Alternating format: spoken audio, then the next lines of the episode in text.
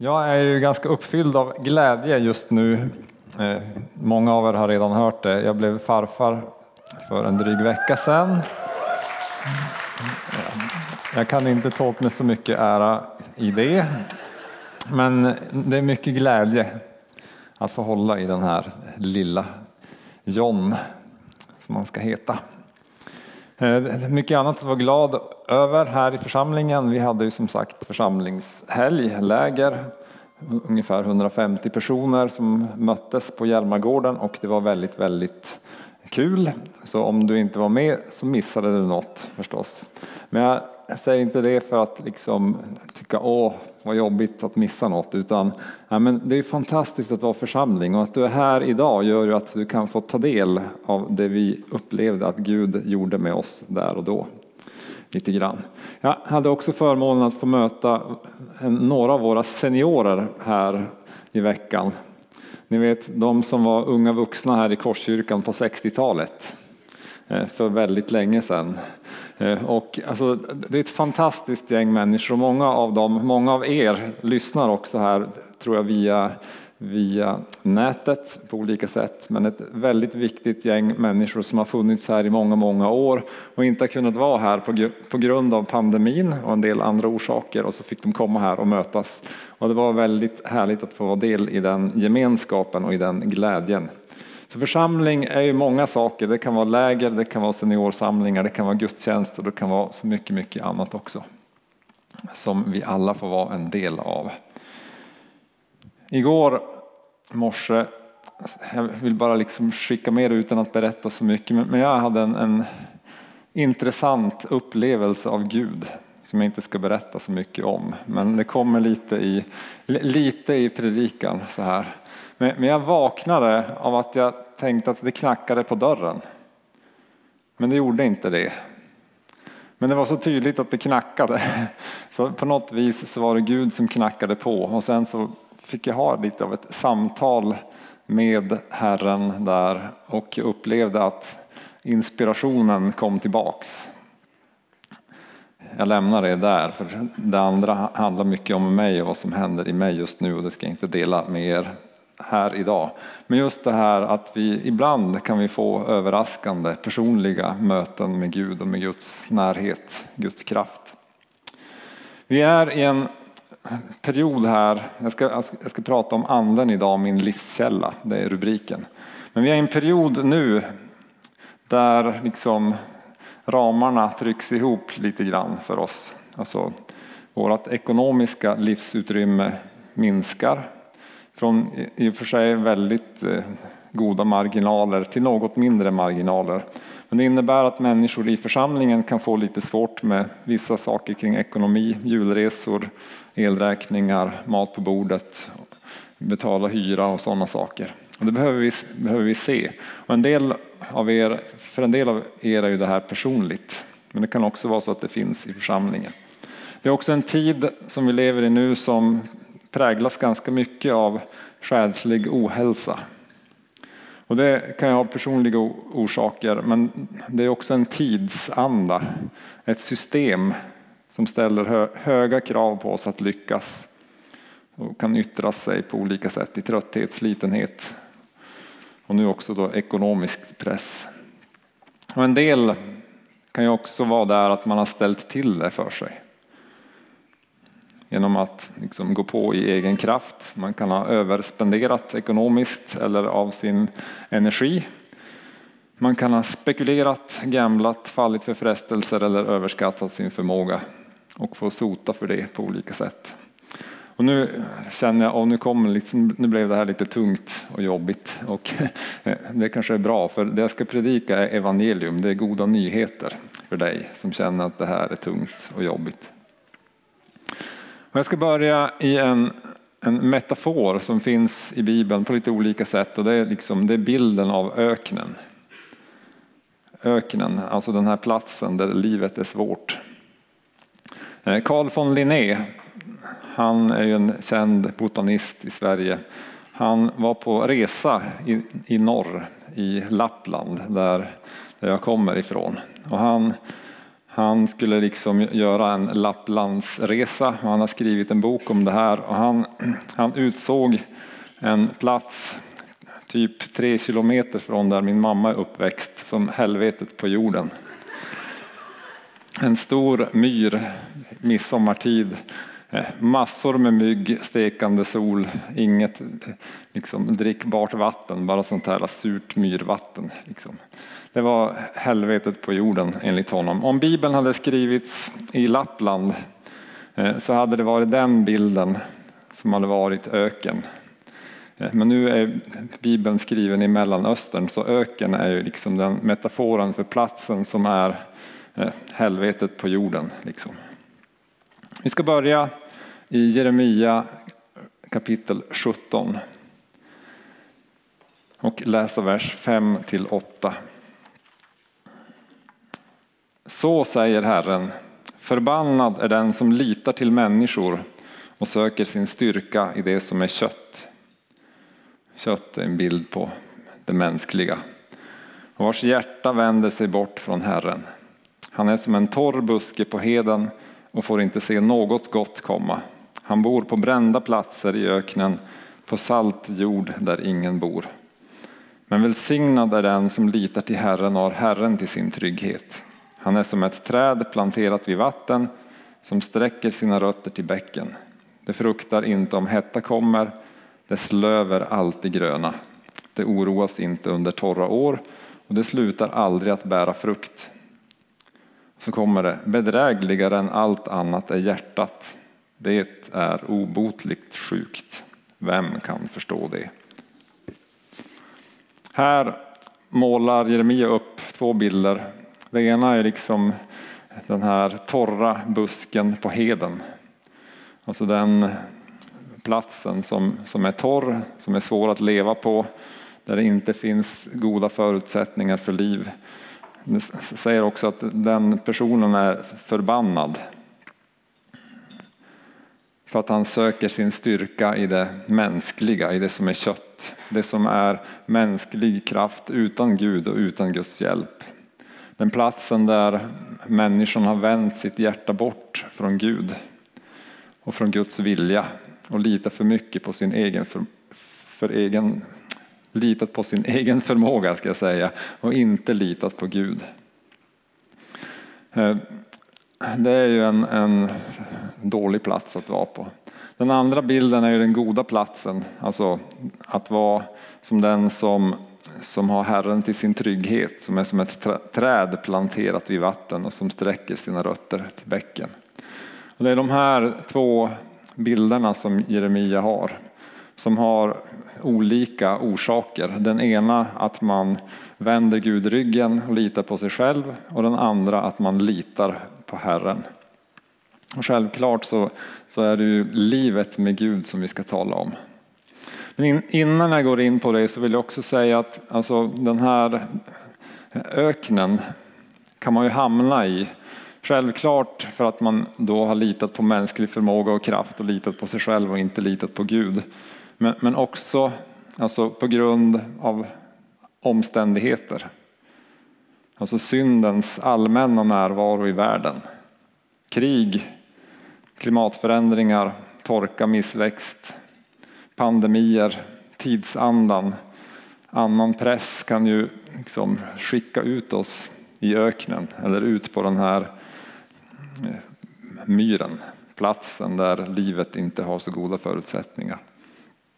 Det kan också vara på grund av andras direkta synd eller ondska mot mig, våld, missbruk, relationstrassel och andra sådana saker. Men det vi ska fokusera på idag handlar om framför allt om livet med Gud. Anden som livgivare. Och inte på, på öknen utan andens liv i öknen. jag vill först bara prata lite om hjärtat. Alltså, hjärtat är ju inte i den här bilden eh, blodpumpen i bröstet utan det är ju den, den inre människan. Någon teolog men, alltså, sträcker sig så långt som att säga att när, när Bibeln talar om hjärtat hjärtat så talar, han om, eh, så talar Bibeln om människans vilja. Alltså vad vill jag? Eh, vill jag lita på Gud eller vill jag lita på mig själv och på männis, människor omkring mig, på det mänskliga? Ibland så gör viljan till och med uppror mot Gud. Och ganska ofta så försöker viljan övertala mig att jag vet bättre än Gud. Och så liksom faller vi in i den här liksom, refrängen som kommer från direkt i första Mosebok. Skulle då Gud ha sagt skulle då Gud ha sagt att jag behöver vila? Jag vill inte. Skulle Gud ha sagt att, eh, att jag ska vara nykter? Ja, men jag vill inte. Skulle Gud ha sagt eh, älska din fiende? Ja, men jag vill inte. Ni känner igen det här att alltså, hjärtat är inte alltid liksom i, i linje med, med vad Gud säger och vad Gud vill. Men textens poäng här är ju att lita på Herren och att ha honom till sin trygghet. Att låta sig bli planterad vid vattnet, även mitt i öknen. För det kan ju vara så att du har hamnat då i öknen av, av andra anledningar, men i, i öknen på den platsen som är trång, svår att leva på så kan Gud ge dig av sitt liv, av sin ande. Och det är det den här predikan handlar om idag. Och då kommer ju frågan väldigt snabbt, hur litar man på Herren och har honom till sin trygghet? Jag vet inte om ni har funderat på det någon gång. Hur litar man på Gud? Så det, det vanligaste är ju alltså när man när man tänker på Gud så, så tänker man, alltså, om, jag, om jag skulle eh, prata med människor på stan här, ja, men man kan ha olika bilder av Gud, men om man har någon sorts liksom, förståelse av Gud så, så börjar man tänka på Gud som, som en som säger du ska och du ska inte.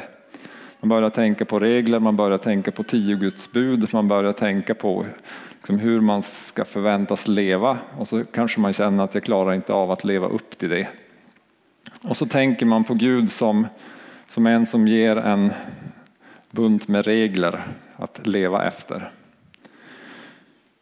Det är bara, problemet är ju bara att det, det är inte det Gud ger till oss genom Jesus. Utan Gud ger oss nåd och sanning. Och det är en väldigt stor skillnad. För eh, Paulus skriver i Galaterbrevet 2 och vers 16 men vi vet att människan inte förklaras rättfärdig genom laggärningar utan genom tro på Jesus Kristus. Så det handlar inte i första hand om att på mänskligt sätt försöka klara av en massa regler. Vi kan ta det här med, med vila som ett exempel. Ni vet att alltså, ett av tio Guds bud är att vi ska vi ska eh, helga sabbatsdagen. Jesus säger helga vil, vilodagen. Och då kan man ju liksom ta det som en regel, en lag, en lagtext och så blir det liksom något som jag måste göra i egen kraft. Och då liksom, jag är då, jobbar som pastor så min vilodag är på måndagar. Okej, okay, då, ja, då, då, då, är det här liksom en, en, regel som jag måste följa helt plötsligt. Och då blir det också upp till mig att klara av det. Alltså då blir till och med vilan en uppgift som jag måste klara av helt plötsligt. Så då måste jag liksom se till att undanhålla mig från en massa arbete, vilket i sig blir ansträngande. Och så blir den här regeln något som jag ska leva upp till så att till och med vila blir en egen ansträngning. Så att jag också kan komma på tisdagen och säga till mina kollegor, alltså igår lyckades jag verkligen vila. Ni hör, hur, alltså, det låter väl tokigt. Hur kan man lyckas eller misslyckas med att vila? Vila gör man ju bara när man vilar. Liksom. Eh, och, så, och så blir det en, en regel och så blir det något som jag själv kan berömma mig av. Det är lätt, ännu lättare kanske om man sätter in andra saker i den här bilden. Så man kan ju ta då, eh, man kan ta eh, ja, men, vi tar en sån här sak som, som pratas mycket om nu, sex till exempel. Eh, Ja, men då, då talar Bibeln om att sex tillhör äktenskapet. Och så gör vi en lag och en regel av det. Och så, och så, och så liksom blir det en lag som jag ska leva upp till.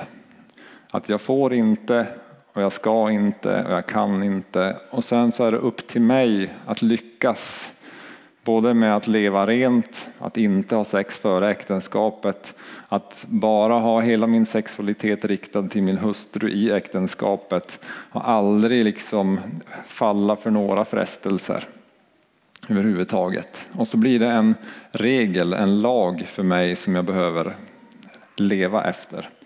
Och det, kan man, det kan gå man kan klara av, kan klara av det. Men, men det blir en ansträngning för mig och så, så kan jag säga att åh vad duktig jag är för jag lyckades.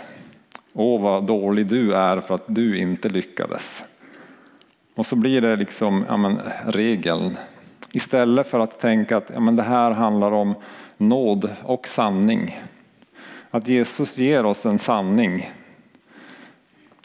Att ja, men, äktenskapet är mellan en man och en kvinna. Det är vad Jesus säger. Ja, men det är en sanning. Men den, den följs också av nåd. Alltså det är en inbjudan i ett liv där Jesus ger oss kraft, ger oss nåd, ger oss kärlek, ger oss av sin ande, ger oss förutsättningar att kunna leva på det sätt som han tänker bäst för oss. Men då handlar det inte om mig att i första hand klara av det här i egen kraft, utan att tillsammans med Jesus dag efter dag leva i den nåden, i den kärleken, i anden och i den sanningen. Så att han ger mig kraft för varje dag. Och då har jag också inte någonting att berömma mig av. Och jag kan inte heller säga till dig att fy vad dålig du är som inte lyckas. För det handlar inte om en lag eller en regel utan det handlar om sanning och det handlar om nåd. Och där jag får följa Jesus. Jag ska komma tillbaka lite mer in i det här. Det handlar alltså inte om regler utan om tro på Jesus Kristus. Att våga tro på honom. Vi går in i dagens huvudtext som är Johannes 3, vers 3-8. Jesus svarade, jag säger i sanningen, den som inte blir född på nytt kan inte se Guds rike. Nikodemus sa, hur kan en människa bli född när hon är gammal? Hon kan väl inte komma in i moderlivet och födas en gång till? Berättigad fråga. Helt klart. Om man aldrig har tänkt på det här tidigare så är det en väldigt märklig text att man ska bli född på nytt. Jesus svarade, jag säger det i sanningen, den som inte blir född av vatten och ande kan inte komma in i Guds rike. Det som är fött av köttet är kött och det som är fött av anden är ande. Var inte förvånad över att jag sa att ni måste födas på nytt. Vinden blåser vart den vill och det hördes sus men du vet inte varifrån den kommer eller vart den är på väg. Så är det med var och en som är född av anden. Född på nytt kan också översättas född uppifrån. Född från himlen, född av anden. Alltså att det är någonting i hjärtat som händer som föds på nytt. Att Guds ande, Guds liv kommer in i mitt liv och ger mig kraft, ger mig förmågan att se in i Guds rike. Att förstå det som har med, med det himmelska att göra, förstå det som har med Gud och med Jesus att göra. På ett sätt som jag inte förstår innan. Det är det här som är det är här livet finns. Och när, när, när, vi pratar om Guds ande så är det anden med stort A. Alltså det, det är Guds närvaro på jorden. Guds närvaro i ditt och mitt liv. Alltså det, det, är ju så, vi pratar om det här ganska ofta alltså, och sjunger sånger till Gud och tänker på anden och allt det där. Så det blir så, ibland blir det så litet. Så vi tänker inte på hur stort det är att, att Gud faktiskt genom sin ande föder mitt liv på nytt. Och en, en liten del av det tar sin, tar sin boning i mig. Av all den kraft, all den kärlek, av allt det liv som han har. Och ger mig en ny, alltså det blir en ny förmåga i mitt hjärta, i min vilja att vilja det Gud vill. Att se det Gud ser, att längta efter det Gud längtar efter. Och att få del av det som finns i Gud. Det är det som är liksom den här eh, vattenströmmen i öknen. Där våra rötter kan få slå rot och få ny, ny kraft och nytt liv in i oss. Det är den liksom, att, att bli född på nytt är att börja tro på Jesus Kristus och på vad han har gjort för oss. Den inre tron. Den här texten talar också om, om att bli född av vatten och ande. Många menar att det har med dopet att göra. Alltså den, också att tron inte bara är en inre tro utan också en yttre tro, en yttre bekännelse. Men också en, en handling där mitt gamla liv, min egen vilja underställs, underställs Jesus i en handling där mitt gamla liv dör. Och där jag får uppstå i ett nytt liv tillsammans med Jesus. Och det är så att alltså när man föds, jag höll ju min son i famnen första gången, för, eller son, son i famnen första gången förra söndagen. Alltså man, man föds ju inte vuxen. Har ni tänkt på det? Man, man föds väldigt liten och eh, hjälplös på något sätt. Jag tänker att när man föds in i Guds rike så föds man inte vuxen där heller. Men man föds på nytt. Man får nya förutsättningar och man får ett nytt liv. Men det, det, är någonting som behöver slå rot, som behöver växa, som behöver bli starkt och som får, som får fortsätta att, att, eh, att växa.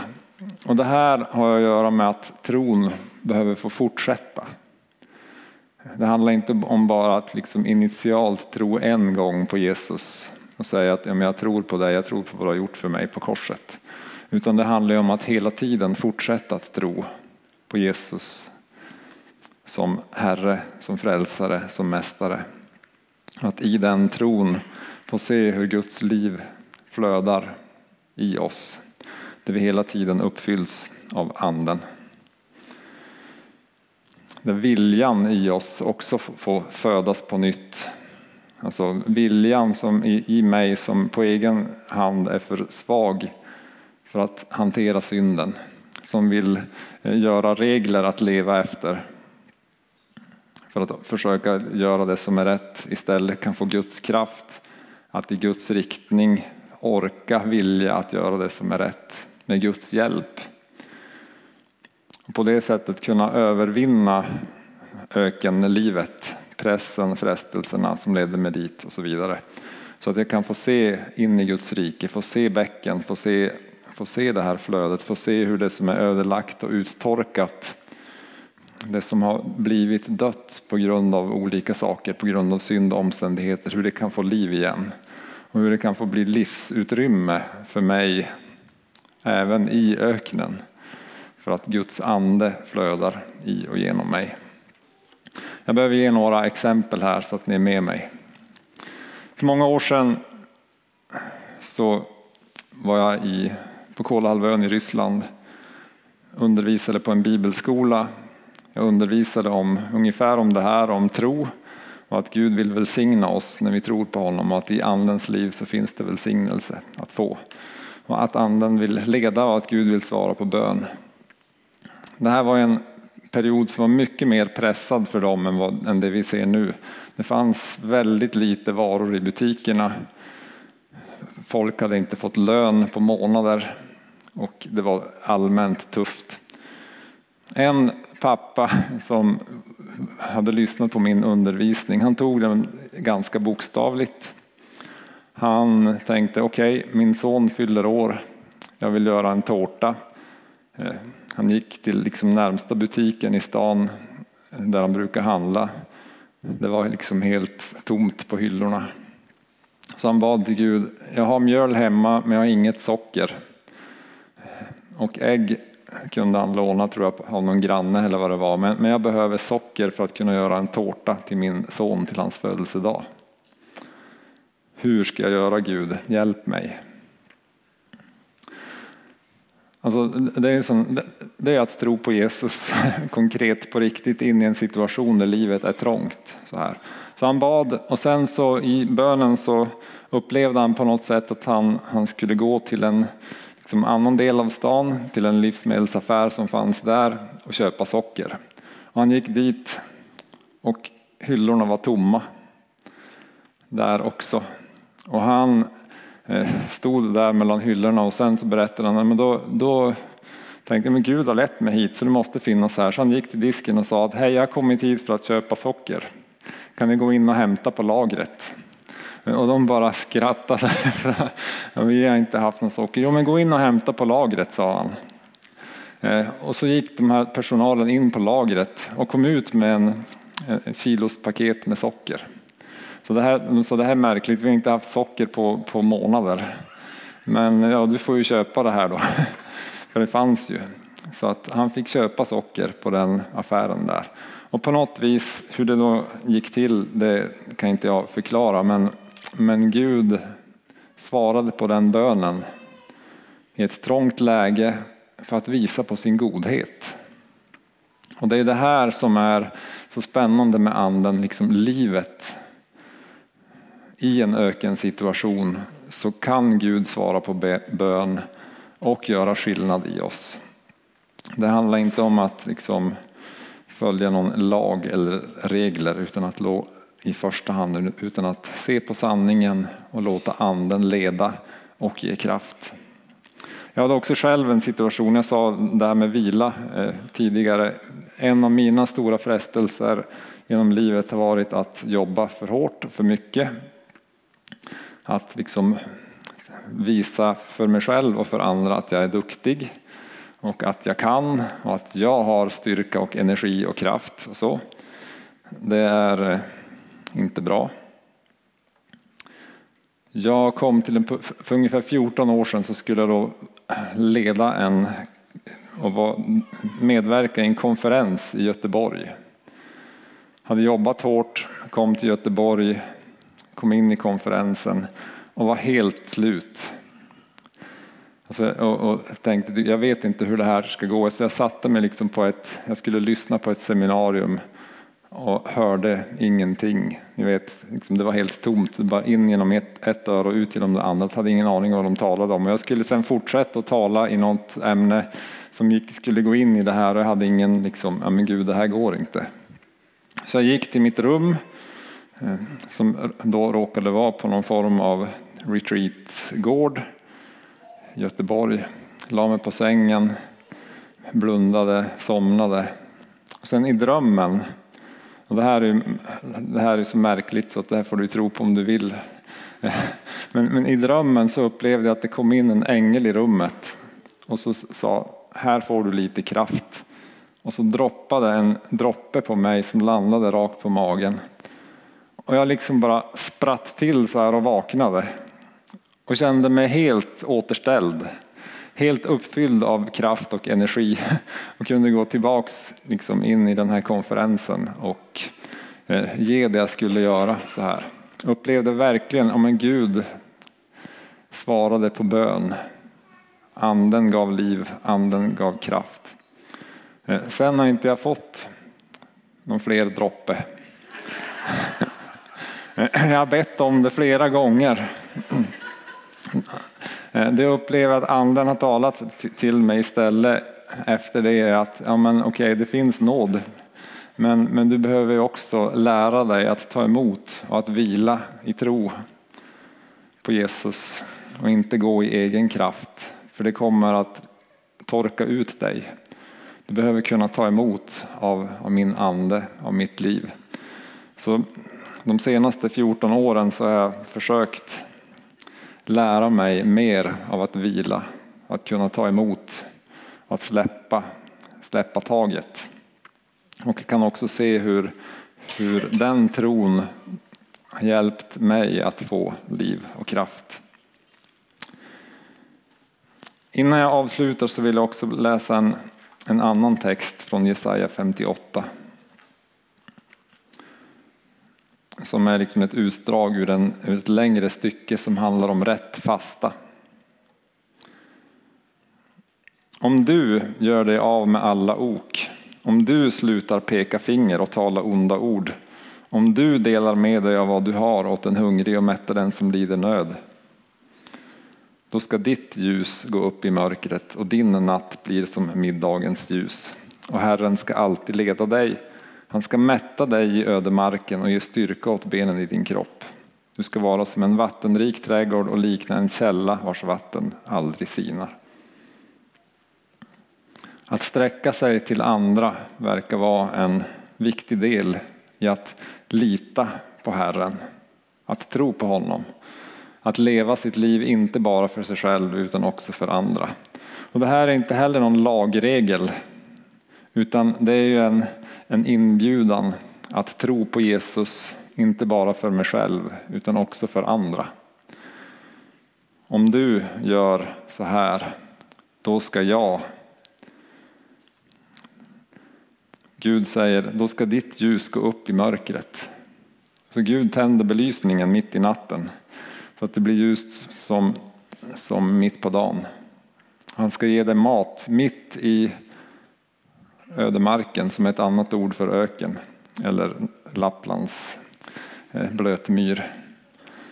Där ska Gud ge dig mat och ge styrka åt benen i din kropp.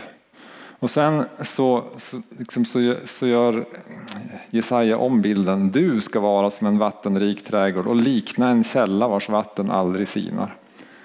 Helt plötsligt så, så blir det sånt överflöd här så att vi, till och med vi blir som källan. Alltså bilden förändras. Det är inte bara så att vi får själva eh, vatten ur källan, ur floden, utan vi blir källan för andra. Jag tänker det här är en, en, en väldigt, väldigt spännande bild. Det är som att om, om vi tänker att ja, men mitt liv börjar vara lite torrt och öken, ökenlikt. Var är glädjen, var är kraften, var är styrkan, var är energin, var är livsutrymmet? Så verkar det som att Herren inbjuder oss att, att börja tro på honom förstås. Ta emot anden, ta emot livet och börja där med Guds ande. Men också att våga tro på Jesus för andra människor. Att börja möta andras behov. Det verkar liksom öppna kranarna från himlen. Och det här är min erfarenhet och mångas andra också. Att när vi också börjar ge av det vi har. Kanske ekonomiskt, kanske med mat, kanske i tid, kanske för att betjäna på andra sätt så börjar Guds liv också flöda starkare genom oss. Så att livskällan, anden, också blir tydligare och starkare i mitt liv. Och som sagt, det här är inte heller någon lag utan det är en inbjudan att tro på Jesus och att få del av mer av andens liv.